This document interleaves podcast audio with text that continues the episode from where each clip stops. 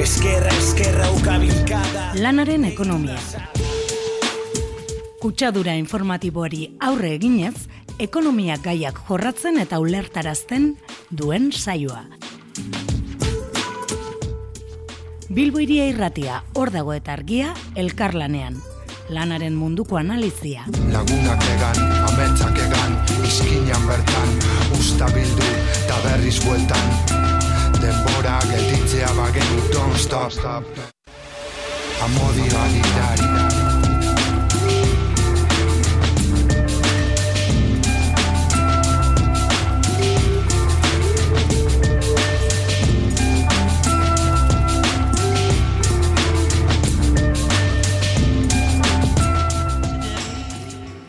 Arratzaldeon guztei hemen gaude lanaren ekonomian irratzaioan, Bilbo hiriaren uinetan. Hor dago eta argiarekin elkarlanean. E, Bilbo hiriaren uinetan gain, baita ere arroza zarean ere aurki gaitzakezue. Gaurko saioa nahiko potol-potoloa dator.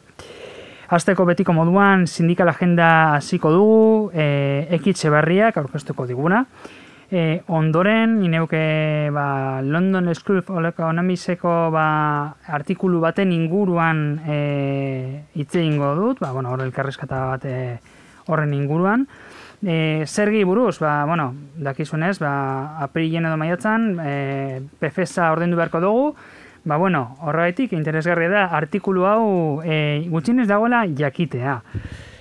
Hortik aurrera ba, izango dugu e, mirari ugibarri, elako sindikatuko ekintza sozialeko ordezkaria eta ekitze barriak e, egingo dio elkarrizketa, elkarrizketa bat. Gazteizko martzoak iruko ba, sarraskiri buruz. Eta azkenik, gratzaia bukatzeko argiako horriez gintzeta kasetaria izango dugu. Bera, ba, e, 2008ko Nafarroko gaztarien saria jaso duen Mohamed un naserriri egindako, ba, bueno, e, elkarrizeta eta nondi norakoak e, kontatuko dizkigu. Hau da gure zarrera eta hemendik aurrera irratzaioa.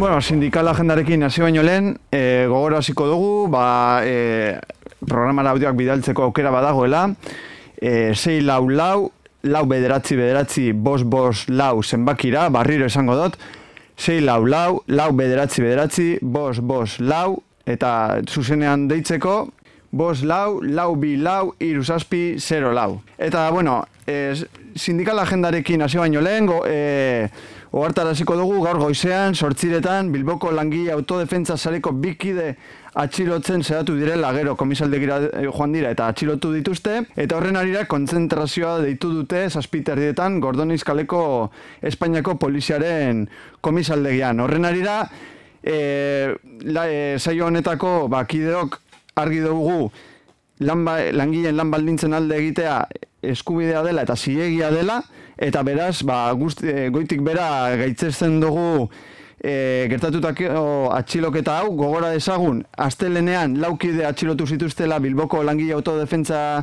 sarekoak, ondoren, aste artean tu akzesen, beste hiru langile atxilotuak izan zirela, gero horrez gain, elgoi barren, e, elgoi barko enpresa batean ere, jasarpen sindikalak egoten ari direla, eta beraz, ba, hau e, onarte zina da ikuspegi lan eskubiden ikuspegitik, eta bueno, e, go, e, gogor gaitzitzen dugu jasarpen hau. Eta bueno, jarraituz apur bat sindikal agendarekin, betiko legez, Bizkaiko Nobealte enpresako langileek, greban jarraitzen dute, bosteun da laurogeta garren egunezia, itxarmen duin baten alde. Ondoren, Gipuzkoan, erresidentzetan greba aguna izin da gaur, hemen ere itxarmen duin baten alde.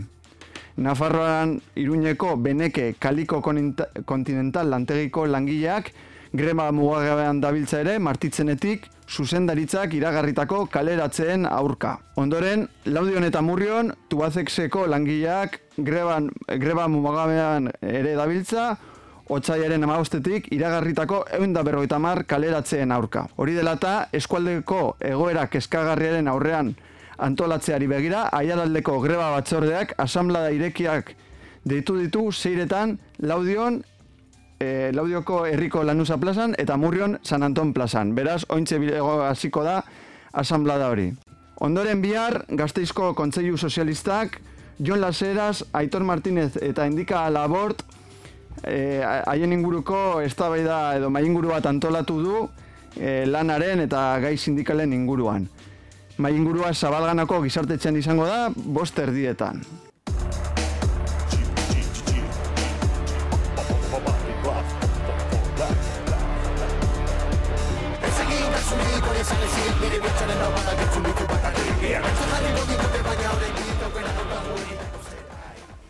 Etzi, otzaiako gita zazpi, Bilbon osasungintza publikoaren aldeko kontzentrazioa deitu duzenetek amabietan Bilboko arenalean. Nafarroan, sarre goitzen itxarmena lortzeko manifestazioa deitu dute bosterretan Nafarroako parlamentutik. Bizkaera bueltatuz, Gernikan kontzentrazioa deitu dute jardun koordinadorak eta bultza eta askatasuna izea herri ekimenek, martxoak iru kapitalismoa da pandemia lelopean kontzentrazioa zazpiretan Gernikako Merkurio plazan izango da. Ondoren, ja urrengo astera joan da, martxoaren iruan, eguaztenean, badakigu, martxoaren irua egun garrantzitsua dela gazteiztar eta euskal herritarrontzat, eta beraz, ba, gazteizeko sarraskaren urte urrena dela eta omenalia egingo da, zeiretan martxoaren iruko plazan. Eta ondoren, manifestazioa biatuko da, bertatik, zeiterdietan. Martxoaren lauean, eguenean, zaintza sektorearen greba izango da ego euskal herrian osasun sistema publiko duin baten alde. Martxoaren bostean, urrengo asteko barikoan beraz, aiaraldean, eskualdeak bizi duen egoera kezkagarria dela eta bi orduko lanustea deitu dute elak, labek, esekak eta esteilasek, amaiketatik ordu batetara. Halaber, manifestazioak deitu dituzte, aiaraldean lan eta bizia lan eta bizitza duin baten alde lelopean. Amaika terrietan, amurrioko eta laudioko plazetateik hasita. Ondoren EAEko ambulantziek greba iragarri dute, lehen lerroan dabien sektore hori, lehen bailen txertatzen hasten ez badira.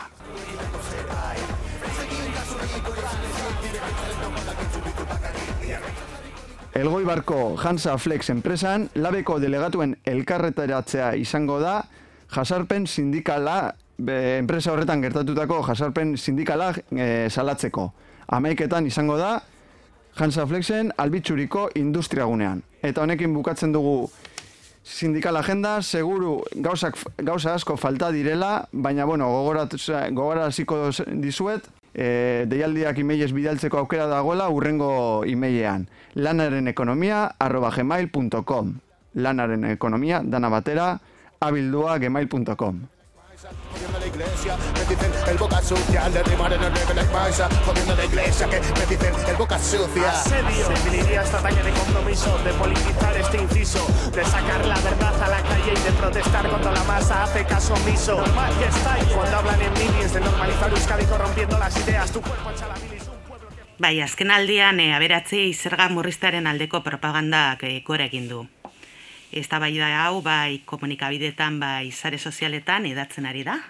Maiz, eta, bueno, honen arira, 2008ko abendua London School of Economicseko bikerlarik, The Economic Consequences of Major Tax Cuts for the Rich artikulu akademikoa argitaratu dute, non ondora estetzen den, aberatzei zergak handitzeak errenta disparekotasuna murriztuko lukeela. Bai, e, bueno, hau dena hitz egiteko, hemen daukago estudioan, endika labort. Kaixo. Kaixo, bai. Bueno, balen, esan bezala, esan dudan bezala, ez? E, aberatzei zerga murriztaren aldeko propaganda gora egin du azken aldi honetan. Eta, bueno, ez eguzu, ze planteamentu erabili dira aberatzei zergak murriztea ona dela esateko? Beno, zerri dago kienez, e, aurten 2008 bat urtea oso bero hasi da. E, kapitalen aldeko bozera maiek, gogor eritu dira sare sozialetan eta komunikabide handietan eta zua piztu duen hausi izan da El Rubius youtuberrenen ba, youtuberra Andorrara bizitzera joango dela esan duela, ezta? Espainiara oasuak bere, bere, oasunak bere sarreren enueko berroita marra hartzen duela edo kentzen diolako edo lapurtzen diolako, ezta? O eta, bueno, Andorra zerga paradizu bat danez, ba, han gutxiago ordenduko duela. E, ultraliberalek, eh, esaten dute anarkokapitalistak, nik esango dut ultraliberalak, eh, anarkokapitalista ez dira existitzen, hori da oksimoroi bat. Ultraliberalek eh, batez ere youtuber eta twittero atera dira pilo bat, ez da, eh, tipo defendatuz, esan ez, ba, zergak lapurreta bat direla, eta hauek, eh, hauen murrizketa berrezko dela. Talentua ez ies egiteko, talentua, youtuberrak eta talentua, ez da. E, hor zertatzen da, bueno, ba, hainbat gezur eta manipulazioetan oinarritutako ba, diskurtsoa da. Azteko, ba, ekonomian eta fiskalitatean oso adituak dirudite hor beren txio ari luzeak, youtuber minutuak dedikatzen, baina ez dakite ez da pertsona fizikoen gaineko e, zer ganola kalkulatzen den. Eta, bueno, agian talentori marketing utza da. Bueno, nik hori uste dut, baina dira. E, esaten dute irabazten duena dutenaren eria erdia zergetan ordaindutuko dutela, ez da, hori ez da gien, jondik ere. Ziurrenik izango dute zerga asesore hon bat kontratatuta, eta, normalen, milioi euro bat kobratzen baduzu, bi edo iru edo lau urtean, izango duzu olako zerga asesora kontratatuta, ez bai zarela tentela. Ba, ba, zerga asesore batek e, bide legalak eta hainez legalak e, erabiliko ditu, ba, zerga gutxiak ordaintzeko inbertsioak eginez, lanaren errentak e, izan beharrean. Gien bat, lanaren errenta e, zergapetzen dalako. Ez e, sozizaten gaineko zerga oso murritza dela eta guk Euskal Autonomia eta Nafarroan badakigu ze basua da. Oin dela gutxi atera zan sindikatu baten txosten, esan zenbat ordaintzen zuten, ba, berto konpresan diek zerga horretan. Orduan, Aberetzei ba, zer jaisteko arrazien artean, ba, hiru azpimarratu nahi dituzke. Lehenengo, ba, aberatzek diru gehiago badute, ba, haiek diote ekonomia suspertuko dutela. Hori da, e, haien idei nagusia, ez da, ba, ekonomia sustatzen denean, langabezia murriztuko dela. Hau da, e, diru gehiago badute, ondorioz, murriztuko dela langabezia, ez da? Eta horren ondorioz, ba, langileok ere zerga murrizketa honen irabazleak aterako garela, ez da? Hori ekonomian ditzen zaio triple down economics, bai, horako anglizismo bat, baina, bueno, e, ideia nagusia hor dago, ez da? Aberetze gutxiago ordaindu, horregatik iago estakotuko dute, langabazia murriztuko da, eta horrela langilok irabazlea aterako gara, ez? Ba, e, azpimarratzeko da, e, errealitaterekin bat egiten ez duten arrazoiak direla. Mm Bai, bueno, esan, esan dugun bezala lehen, 2008ko abenduan, London School of Economicseko bi ikerlarik, The Economic Consequences of Major Tax Cut for the Rich, artikulu akademikoa argitaratu zuten. Azalduko diguzu, zer aztertzen duen dokumentu honek, eta zergaitik dena ingarrantzitsua. Beno, e, bi autorek David Hope eta Julian Lindbergh, ba, azterketa historiko-empiriko garantzitsua egin dute, hori da, azpimarratzeko oso zer. Mhm.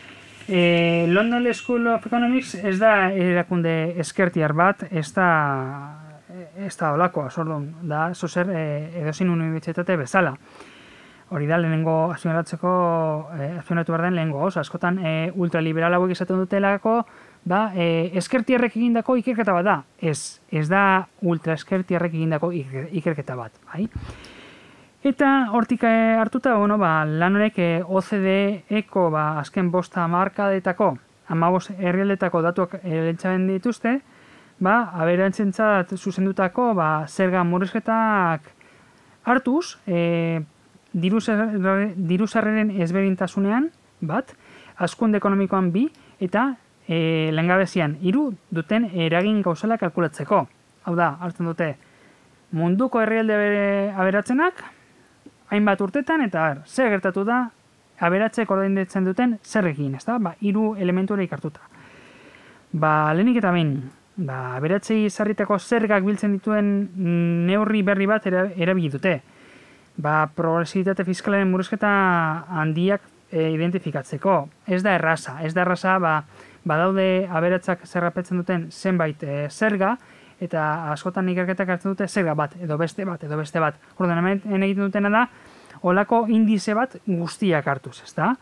Eta, em, horregatik, bueno, egiten dute indize hori ez dela lan erraza, e, haien dokumentuan agertzen direla formula parametrikoak, ekonometrikoak, olako teknizismo pila batekin, eta zatzen duten nola egin dan, hori baita ere garrantzitsua da, zientzia ekonomikoan. Eta mm, baita ere, aipatzen dute, ba, ikerketa empiriko gutxi daudela, aberatzei esarritako zergen eta maitzen ekonomikoen arteko erlazioa esploratzen dutenak. Eta dagoen evidentzia, orain arte gondan evidentzia misto da, batzuk esaten dute okerra dala, bai, e, eberatzek e, gutxi, e, zerra gutxi ordeintza badute, okerra izango dela ekonomientzako, eta pasaden beste ikerketa batzuk, positiboak zirela, ezta? baina beti hartzen zutelako zerga bat edo beste zerga bat, ez zerga guztiak orokorrean. Eta hau egin dutena da, ba, herrialden arteko ikerketa empiriko, em, empiriko bat hartu, bai, eta ikusita lehen ez zegoela adostasunik, bai, e, zientzia ekonomikoan, e, batzuk bai, beste batzuk ez, ba, hartu dute datu horiek, datu pilo bat, urte tramo e, izugarria, berroita mar urteetako eta ondoriak atera dituzte, ezta? Ba, e, hortikan hartuta e, ikerlariak, ba, ja, mm, apur metodologia ulertzeko garrantzutalako, ba, saspi indikadore misto erabili dituzte. Eta hori da gian e, gako bat, baina mm, hori garrantzitsuena da, e, amazotzi herrialde, berroita urte, eta saspi indikadore. Hortikan hartzen duten, eta horretik e, ikerketa honen potentzia. Bai, eta bueno, azkenik amaitzen joateko, bike, bi ikerlau, ikerlari hauek egindako ikerketa honetan, zer ondorio atera dira? Beno, ba, mm, aberentzentzako zer murrizketen defendatzaileek, e, ba, emaitza ekonomikoetan dituzten ondorio nuragarriak argudiatzen dute, ba, esateko ez, gutxi orden du Jeff Bezos edo nola da inditezeko tipoa, e, Amancio Ortega eta loke gutxi orden du berdute, eta baita ere, ba, ba, olako tipok ez da, edo BBB-ko BBB-ko e, presidentea ba. Ba, horiek gutxi orden du dutela, zagatik, esaten dutelako, ondorio positiba duela, dutela, ez da? Ba, bueno, e, e, Haiek e, azterketa egin dute, azterketa sendoa eta e, ikusi dute ez dela ez dela hori ematen. E, ez duela e, eragina ez askundean, bai? Eta ez da langabezian. Eta e, ekonomi disparegotasunak areagotzen dituzte olako neurriek. Hor e, maitzak bat datoz, ba, Thomas Pikettik egin duen azterketarekin, bai? E, disparegotasuna handitu dala azken urteetan eta arrazoi bat hause dala, e, aberatzek zerga gutxi gordetzen dutela. Eta e, hori da, ba, orokorrean e, egiten duten, ba, bueno, e, ondo, ateratzen duten ondoria. Adibide bat da, e, presio fiskala, ba, aberatzek jasatzen duten presio fiskala. Mila aberatzen dara, irugaita barreko amarkadetik, e, orain dela gutxi arte, ba, e, aberatzek jasatzen duten presio fiskala, euneko hogeita marrean jeitzi dela. Bai, hori da lehenengo e, evidentzia da, gutxiago ordentzen dutela. Bai. E, horrek badeuko eragin positiboak barne produktu gordinan, ba, maitzen erabera, egiten dute azterketa estatus estatus, eta ez, ez dute e, e, inongo e, eragin positiborik. E, ez dute, ez da barne produktu ordenan ditu, haiek aberatzagoak direlako, edo zergak ez dutelako ordendu. Hori da, e, era estadistiko batean frogatu duten, ez da? Orduan, e, eta SP laburra eta SP luzera. E, beste gakoa da, langabezien eragina izan du, hau da, agian aberatzak, aberatzauek gutxi ordentzen dutenek, agian e, Gila gauza gehiago lezten dute, jende gehiago enplegatzen dute, zerbitzera gehiago dozkate, eta olakoak ez da, ba, agian, langabeza bera doa, ba, ez da ere. E, langabezen dagoen efektua oso murritza da, eta hartzen badugu epe luzean, zero, zero patatero. Eta, e, noski, e, gero, ba, beste efektu da, zertatzen da, errenta disparekotasuna, oda, e, aberatzen, eta besteen arteko ba, alde hori. Ezen guen txiroa, baina ja, guztia erdi txiroa garenez. Ba, efektua zen da, ba, bueno, e, zerga, hien, aberatzi zergak puntu bat jaisten danean, haiek, haien aberastasuna 0,sortzi puntutan igotzen dela. Bai? Baina, besteok ez dugu e, horren inguruan ezer jasotzen, eta horren ondorioz, e, gertatzen dena da, e, disparekotasun, disparekotasun ekonomiko hori zabaltzen dela. Orduan, argi geratzen da, e, argi adierazten dute, nola, nola e, ez dela bat ere positiboa. Eta gero, ikerketa honek ez du lantzen, baina bai, aztetu beharko genuke, e, olako errenta murrizketa, olako e, aberatzi e, egiten zaien zerga murrizketa hauek, zelako efektua duten e, gasto publikoan, e, ongizate zerbitzutan, eta lokoetan e, dokumentua edo ikerketa ez da horretan sartzen, baina agian ikerketa bat beharko da evidentea dena frogatzeko, ba, egin dutena da, evidentea sana e, era zientifikotan frogatzea. Bai, beste aldea izango litzateke, ezta? Bai, Aztertzeke geratzen dena. Bai.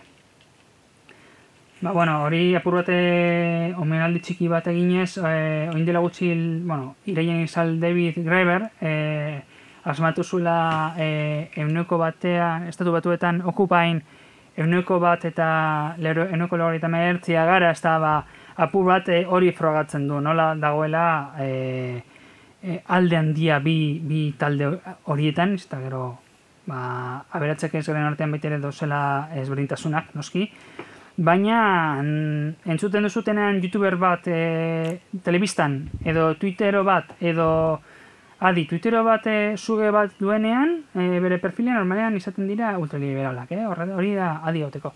Balako tipoak entzuten dizuten, e, dozutenean, ez egin kasurik gezurti utza direla propagandistak, eta kontuz ba, entzuten duzuten ba, ba, informazio eh, ez zientifikorekin. Bale, ba, ba, indika, eskerrek asko gurekin solasean izatearren. Bai, zuei. Amodi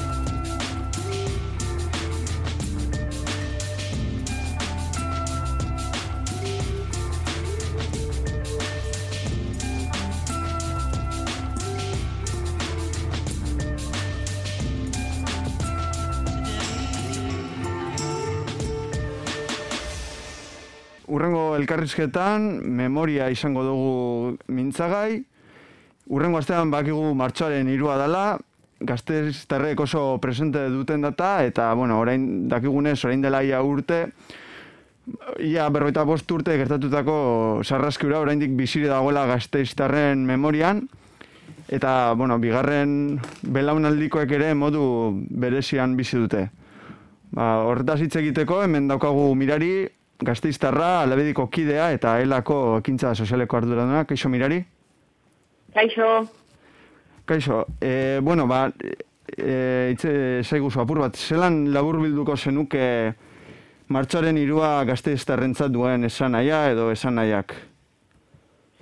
ba, niretzat, pixka, memoriaren inguruko eh, hausnarketa polit bat eta unkigarri bat, ez? Osea, egia da, eh, bel, ni adibidez belaunaldi, bigarren belaunaldi horretako kide naizela, ez? Eta orduan ez duela zuzeneko, eh, pues esoneko historiarik izan, baina oso bide unkigarria da, bai gertatu zenagatik, bai kontatzen dituztenagatik eta irakurri izan dugunagatik. Orduan, egun garrantzitsua eta memorian eta politikan oso egun bai seinalatua, eh?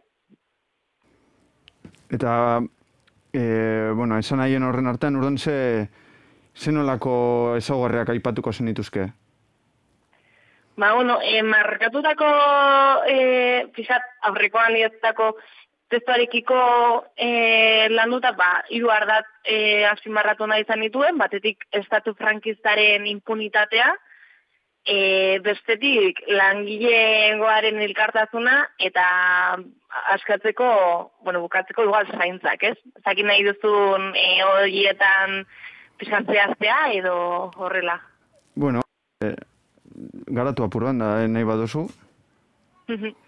Ba, batetik zen dut, estatu frankistaren impunitatea, egia da, e, martzoaren 2000 eta, osea, e, mila beratzen da garren urte horretan, e, Franco hilda zegoela, baina e, struktura frankista guzti horiek e, vigente zeudela, eta orduan horregatik estatu frankistaren impunitatea zari naiz, e, ba, sarrazki horietan partatu zuten gehienak eta bostera mailak eta hori aurre eraman zuten gehienek, ez ziren e, kulpatuak edo zigortuak izan, baizik eta zarituak, eta horietako batzuk ere ministro honoriz izatera iritsi ziren, hortaz, niretzako oso e, garrantzitsua da ere jakitea ba zarrazki horretan eta egun bost langile eraiztuzten egun horretan ere ba e, batzuk zarituak izan zirela eta oso latza ez?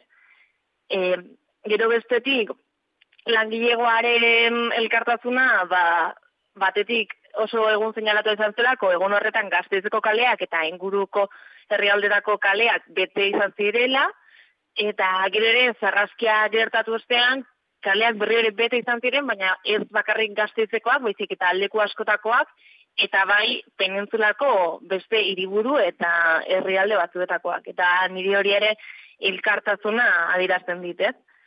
Eta bukatzearen, ba, zaintzak, uste, e, orain giroz eta gehiago hitz egiten dela zaintzak mai gainean jarri behar ditugula, eta egun seinalatu horretan, bieratako zaintza importante batzuk egon ziren, batetik ba osasun gintza publikoan egon ziren langileak, ezan beharra dago egia dela egun horretan bost e, langile hil zituztela, baina eundaka gazteiztar zabitu ere, eta gazteizeko ospitalak e, oso karrantzitak izan dira, e, pues bai, la, zen identzako elkarrazuna dierazteko, baina bai, bai ere, pues, zauritu horiek zendatzeko, ez?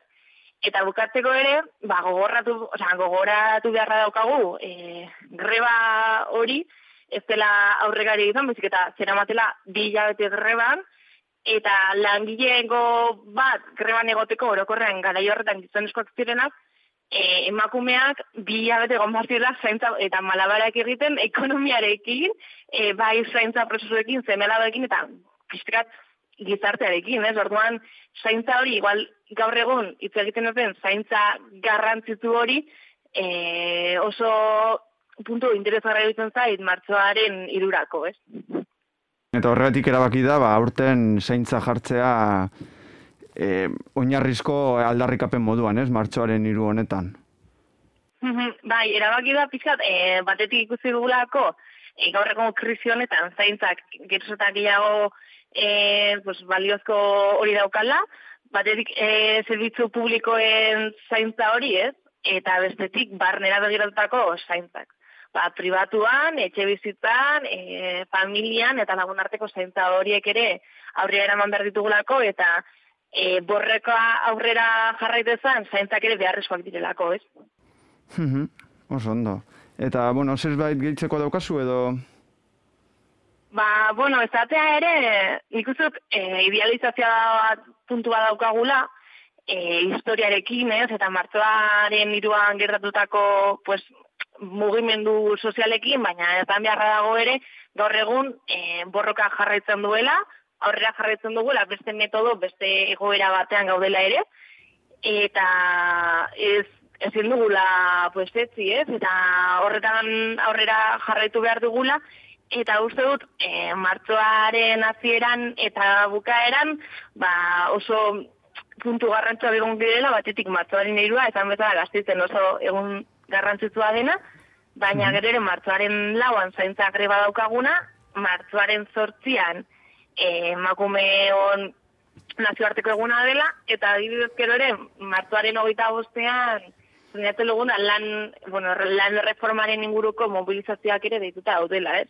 Orduan, mm martzoa oso hilabete potentea izango da, eta horren, ba, bueno, idealizazio eta historiatik ere, e, gaur egunera burroka bideratu behar dugula, eta indarrak batu, eta horrela jarraitu, eh? Mm Oso ondo, ba, bueno, ba, martzoa orduan e, hilabete garrantzitsua izango dugu beraz? Ba, jori da, eta nik uste dut, e, bueno, gutxinaka gutxinaka agenda berritzen jongo zaretela eta pues hori komunikatzen pizkat martzoan gauzatutakoak eta jeintzan martzoako lehenengo aste izango da nahiko pilatua eta martzoaren zeian ere irunen emakumeon mundu martza, pues garren mundu martza ko ekimenak ere ongo dira, hortaz, vamos, topera dukago agenda. Osondo, ba, animo. E, gora dugu bai. hori zure artikuloa hor dagoen eta argian argitaratuko dela, ez? Eta... Uh Eta, bueno, ba, eskerrik asko hemen egotaitik, mirari. Bai, zuei ere hauza emateagatik eta pues, hildo ezberdin batzuetan uin azki hauetan borrokatzeagatik. Oso ondo. Ezinbestekorik ez omen dago Ia orok badu bere ordezko Maitaleak ere nola espada Ordezka daitezke aize aski.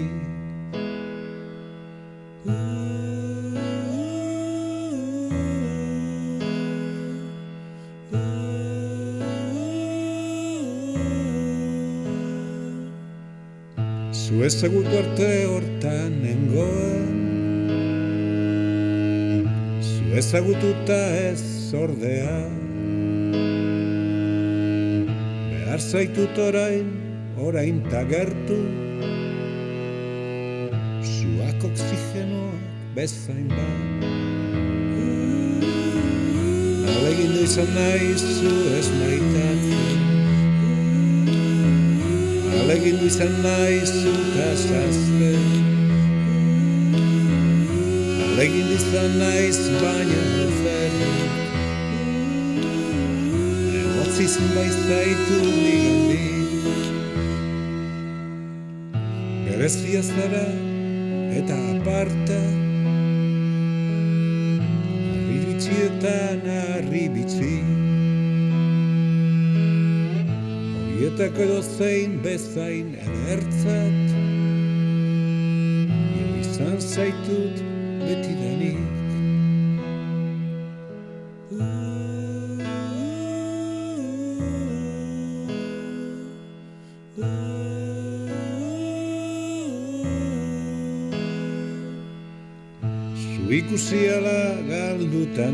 nintzen Eta arez gero preso nauzu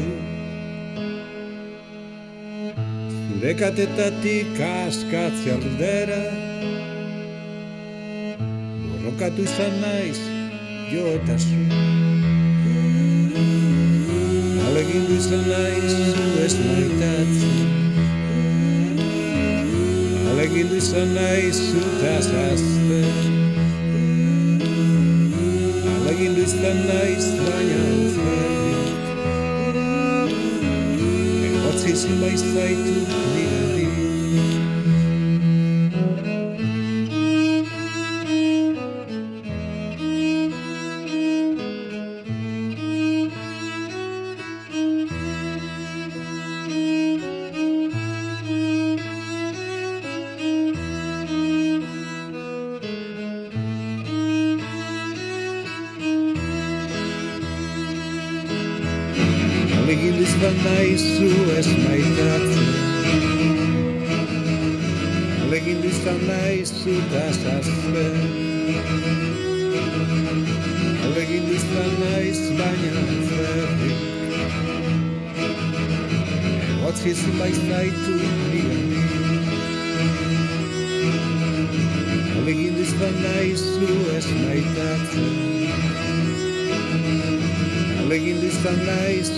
naizu tazazten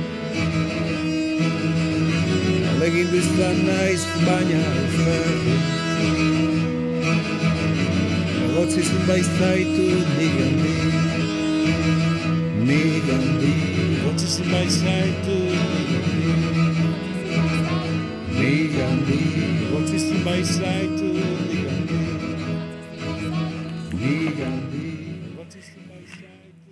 Xabier Montoiaren alferrikako alegina bestia entzun ostean, saioa amaitzeko telefonoaren bestaldean daukagu argiako Reyes ilintzeta. Kaixo Reyes? Bai, arratsaldeon. Bai, ea, Reyesek 2019an Nafarroako gazteriaren saria jaso zuen Mohamed Unasser Moja, gazte etorkinaren kasua ba, kontatuko digu. Horrela ba, Mojaren kasua ezagutzeko aur- aurkeztuko diguzu Mohamed Unasser Moja? Bai, ba, begira, moja bada gazte bat e, Marokon sortua, Todra, herrian, zehazki, eta ba, duela bi urte ona iritsi zen iruñera, oaindikan adingabea da.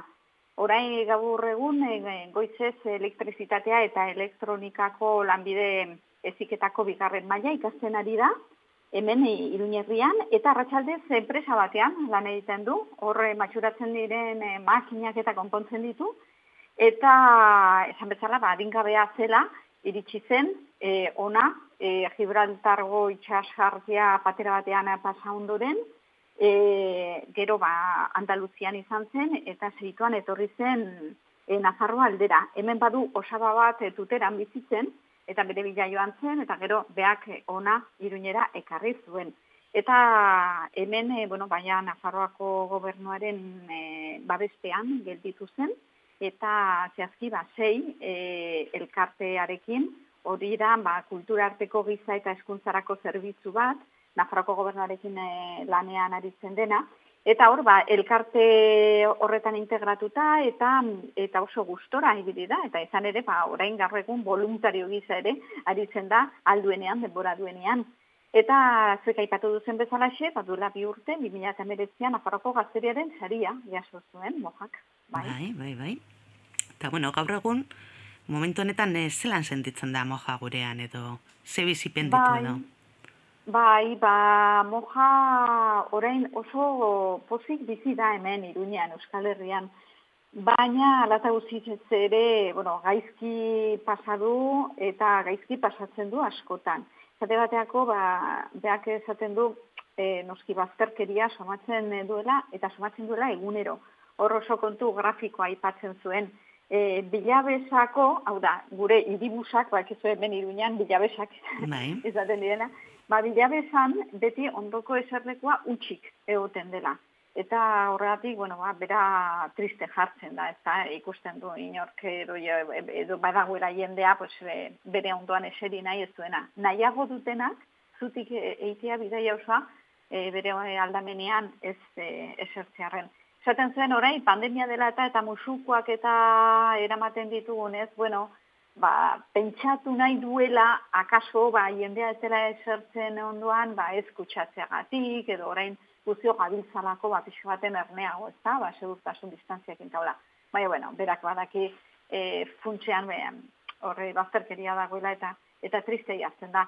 Edo eta lagunak horre etxeko atarian, ikusten dituenean, eta berak agurtu bai, baina haiek ez diotela itzultzen agurra, ez da, alakoetan bai somatzen duela. Baina gainerakoan, bueno, ba, berak ilusio handia du, oso oso langilea da, oso pertsona, bueno, inteligentia da, oso langilea, oso atsegina, eta asko ikasten ari da, ez da. Berak esaten du esate baterako, e, honea etortzen diren gazteek ikasi behar dutela, bai, noski, bai, ikasketak egin behar dituzela, lan egin behar dutela, badakite, alde zaurretik, noski, beste gaztek baino desente gehiago lan egin barko dutela bidea egiteko ez da. Baina, e, badagoela beste kontu bat ikasi behar dela, eta bada kultura eta hemengo kodeak. E, esaten zuen, kontatzen zuen adibidez, ba, batez ere Afrika iparraldetik etortzen diren gazte askok izaten dutela oso jarrera serioa. Lan elkarrizketetan edo ezitzaileekin egiten diren e, ba, bileretan eta hola, haiek normalean eoten direla e, ba, hola, besoa gurutzatuta e, bularraen gainean eta oso aurpegi serio serio erekin ez dute bat ere barrerik egiten eta oso serio eta eta batzuetan hemengo koden arabera e, ba, hartzen dugu jarrera hori ba ez dakit e, erreto moduko bat balitz bezala edo ematen du ematen iruditzen zaigu batzetan haserre daudela edo ez daudela gustora gurekin eta eza hori kontua da haientzako hori dela errespetu keinu bat guk interpretatzen dugu beste modu batez baina haientzako errespetua dirazteko modu bat Orduan, e, hau, ikusten dutena da, honea etortzean kode horietako asko e, ikasi egin behar dutela hemengo gizartean e, modu egokiagoan funtzionatzeko. Ez? Eta irribarrea esate bateako, moja oso irribarretxua da, baina hori berak ikasi egin du modu horretara ere, ba, irekitzen dielako ate asko, eta komunikazioa nengo jendearekin erraxago delako. Horako gauza kontatzen zituen oso oso interesarriak, bai. Bai, bueno, eta azkenik, ba, etorkizunari begira ze asmo ditu, ze asmo dauka mojak? Bai, e, bueno, mojak ibilbide luzea egin du hemen irunean, irunera iritsi zenetik esate baterako e, dokumentazioa eskuratzeko. E, noski etorkinak etortzen dira ba, albezala, e, ikusi dugu ez da moja patera batean iritsi zela peninsulara, eta gero, bueno, ba, e, etorri egin zen Nafarroara, baina ez, ez zuen bat ere dokumentaziorik. Orduan eskatu egin barri izan zuen Bilboko konsulatuan. Urte bat eta hilabetea egon zen eskatzen, eskatzen, eskatzen Marokotik bialtzeko mm, pasaportea. Azkenean eta hogei bidaia egin ondoren Bilbora e, lortu egin zuen. Eta horrekin ja aukera izan zuen urrengo pausua emateko. Eta urrengo pausua izan zen ja, bueno, ba, atzerritarrentzako e, dokumentazioa e, nortasun agirian nolabait esateagatik eskatzea. Eta beste zei hilabete gehiago, zain egon behar izan zuen hori lortu arte. Eta orduan ja e, dokumentu horrekin, agiri horrekin eskatu ahal izan zuen erresidentzia baimena. Eta suerte izan zuen, ze horrekin batera lan baimena ere eman ziotelako. Baina hori ezoiko kontua da. E, e, kontua da, ba, honi, hau eman ziotela iazko martxoan. Justo emesortzi urte bete baino hilabete bat lehenago.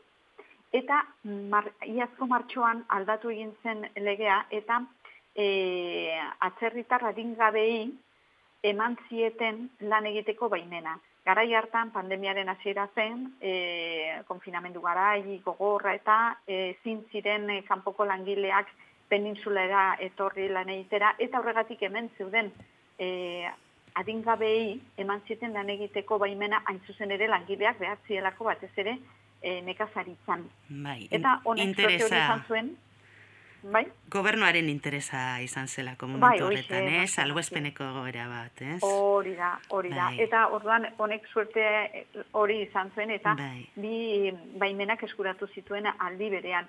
Baina beste askok eta askok ez dute e, horren besteko suerte izan eta em, emezortzi urte e, beteta ba, ikusten dute ez dutela indikan dokumentaziorik, gainera ba, gobernuaren e, babesa galtzen dutela nola baita esateagatik, etxe bizitza ere galtzen dute, eta e, bilatu behar dute, bizitzeko toki bat, bilatu behar dute ikasketak egiteko modua, e, lan bat, eta lana aurkitzea oso, oso, oso zaila da. Berak esaten zuen esate baterako. Lan eske joaten zarenean, lanerako baimena eskatzen dizute. Baina baimen hori lortzeko, edo berritzeko, enpresa batean urte baterako eta jardunaldi osoko kontratuta, kontratu bat behar duzu. Eta nola egiten duzu hori, galdetzen zuen berak. Beraz, e, e, guk ikusteko baze zaila duten gazte hauek bidea, ezta? Ikaragarria. Mhm. Orduan, etorkizunari begira zer duen e, mojak e, buruan, bueno, ba, segitu ikasten, enoski, Bai. segitu lanean, oso gustorari da lanean bere enpresan, nahi die lagundu, ba, bera bezala ba, adingabe izan da etortzen diren gazte guztiei, horregatik voluntario lanak eta egiten ditu, Ai, Eta orain oso proiektu polit batean ari da buru belarri lanean, hau, bera ja, bere kabuz bizi da, e, gela batean bizi da, pisu konpartitu batean, nahi du bilagunekin alokatu pisu bat, baino inork ez die alokatzen, beraz e, oso, oso komplikatua da. Eta orain ari da e, parte hartzen proiektu interesgarri batean. Transpirenaika Sozial Solidaria izeneko elkartearekin proiektu bat prestatu duten, gazte etorkinak eta adineko personak eh, harremanetan jartzeko elkarrekin bizitzeko. Hiru mutilek eta ezitzaile batek etorkizunerako erronka izeneko programa par, programan parte hartu zuten estatu mailan eta hogeita bost alderen artean ba, haien proiektua eh, aukeratu zuten. Orain berriki egitasmo hori Nafarroko gobernuari aurkeztu diote eta zain daude aberia eh, Nafarroko gobernuan onartzen duten martxan jartzeko. Baina hori da bere ametxetako bat, ezta? E, ba, bai. martxan jartzea proiektu hau, bai berarentzat, bai beste ga- gazte batzuentzat bide hori irekitzeko. Mhm. Bueno, ba, oso ondo. Eskerrik asko horri ez e, gurean Bai. izatearren eta, bueno, mojaren kasua kontatzearren. Bai, eskerrik asko zuei. Bai, beste Ongi bat arte. Bai, Amodio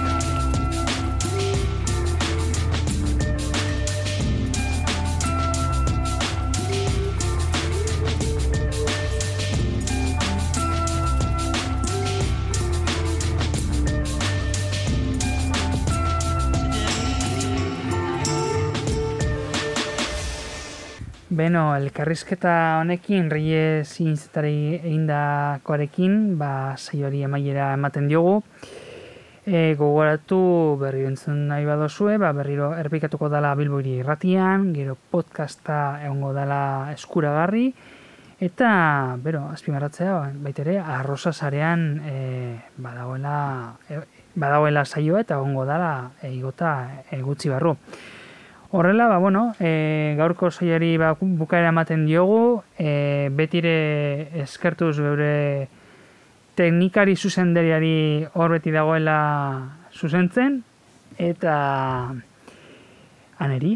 Eta, beno, e, honekin, ba, esa astu, e, sindikal agendan parte hartzeko, e, ekik aipatu dituen ba, telefono eta epostagan ba, bidaltza eta bar, harremana harrematan jartzeko, bale? Honekin, agur berbat lanaren ekonomia, lanaren ekonomia lantaldetik, eta e, mogostegun barru arte. Eskerra, eskerra ukabilkada Lanaren ekonomia.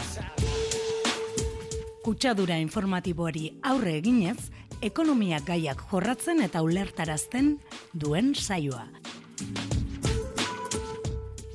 Bilbo iria irratia, hor dago eta argia, elkarlanean.